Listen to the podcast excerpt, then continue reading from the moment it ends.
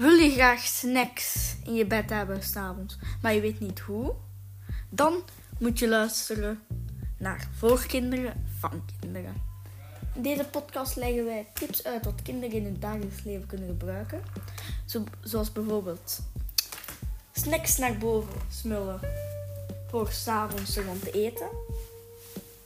En allerlei andere tips die kinderen kunnen gebruiken voor hun leven wat leuker te maken. Niet dat het leu niet leuk is, hè. maar bon. In deze podcast zal ik tips vertellen die kinderen in het dagelijks leven kunnen gebruiken. En misschien ook ouders. Dus ja, maar ouders luisteren naar mij. Ik ben niet verantwoordelijk wat jullie kinderen doen, ook al mag het niet, oké? Maar, maar bon. Um, dank u wel om te luisteren naar deze trailer en bye!